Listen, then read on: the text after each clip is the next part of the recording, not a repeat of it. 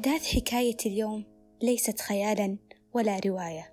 تكلف كاتبها ليصيغ أسطرها بصنوف الآلام أحداثها حقيقية شبعت بالحسرة وملئت بالخيبات.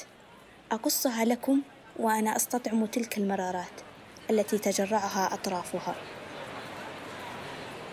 في مدينة صحراوية تطاولت فيها البنيان وتكاثر فيها الزحام وامتلأت بكل أجناس البشر واكتظت بكل أنواع السيارات التي خلفت وراءها الكثير والكثير من الأشخاص المتجهمين المضطربين بل وحتى الغاضبين.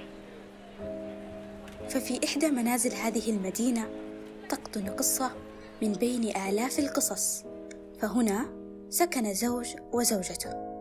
ابنتهم البكر كانت المشروع الذي كبر وكبر وكبر ثم توقف مهجورا لزمن حتى انهارت عليه كل حجارة أقامته.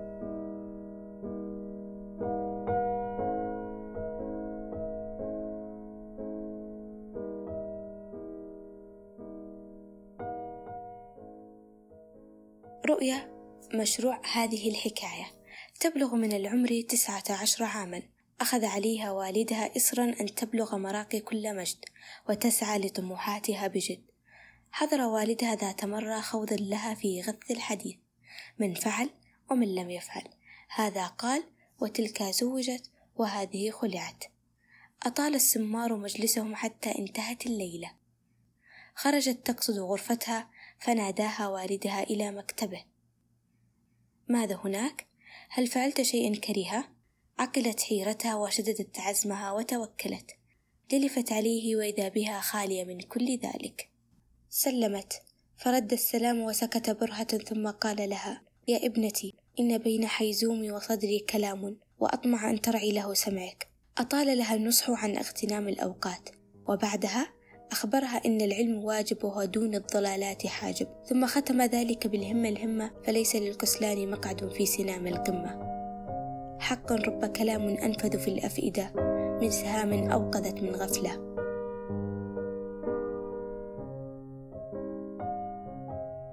رؤيا استجابت لرسائل والدها وأصبحت يوما بعد يوم كاتبة يعرفها أكثر أبناء البلد.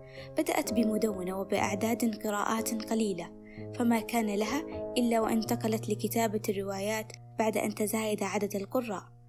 الآن وبعد سنوات من الامتثال أصبحت لغتها قوية.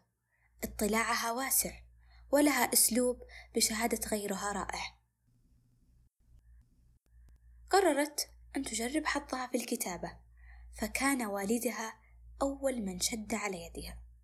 بدأ الطابع السوداويا طاغيا في كتاباتها وحامت فوق رواياتها سحائب الاكتئاب.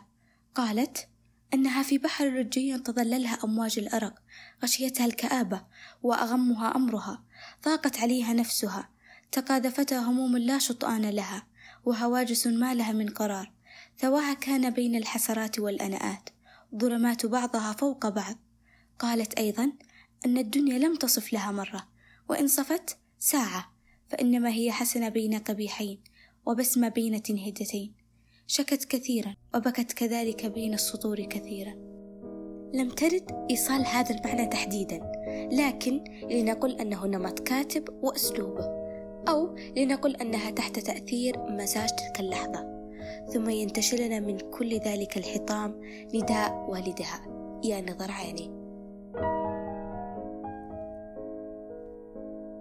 وعند سن الخامسة والعشرين قطفت حياة رؤية لتخلف وراءها الكثير من الحزن.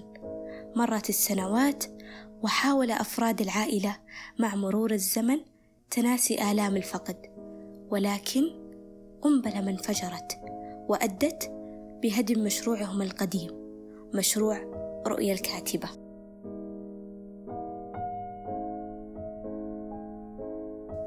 اكتشف أحد سكان المدينة منزلا قديم به غرفة أشبه بالسجن. يبدو أن شخص ما قد عايش وقتا مؤلما بها. على الجدران كتبت عبارات عدة. إحداها كانت اقتباس لرؤية مما جعل البعض يظن بأن هذه الغرفة كانت غرفتها.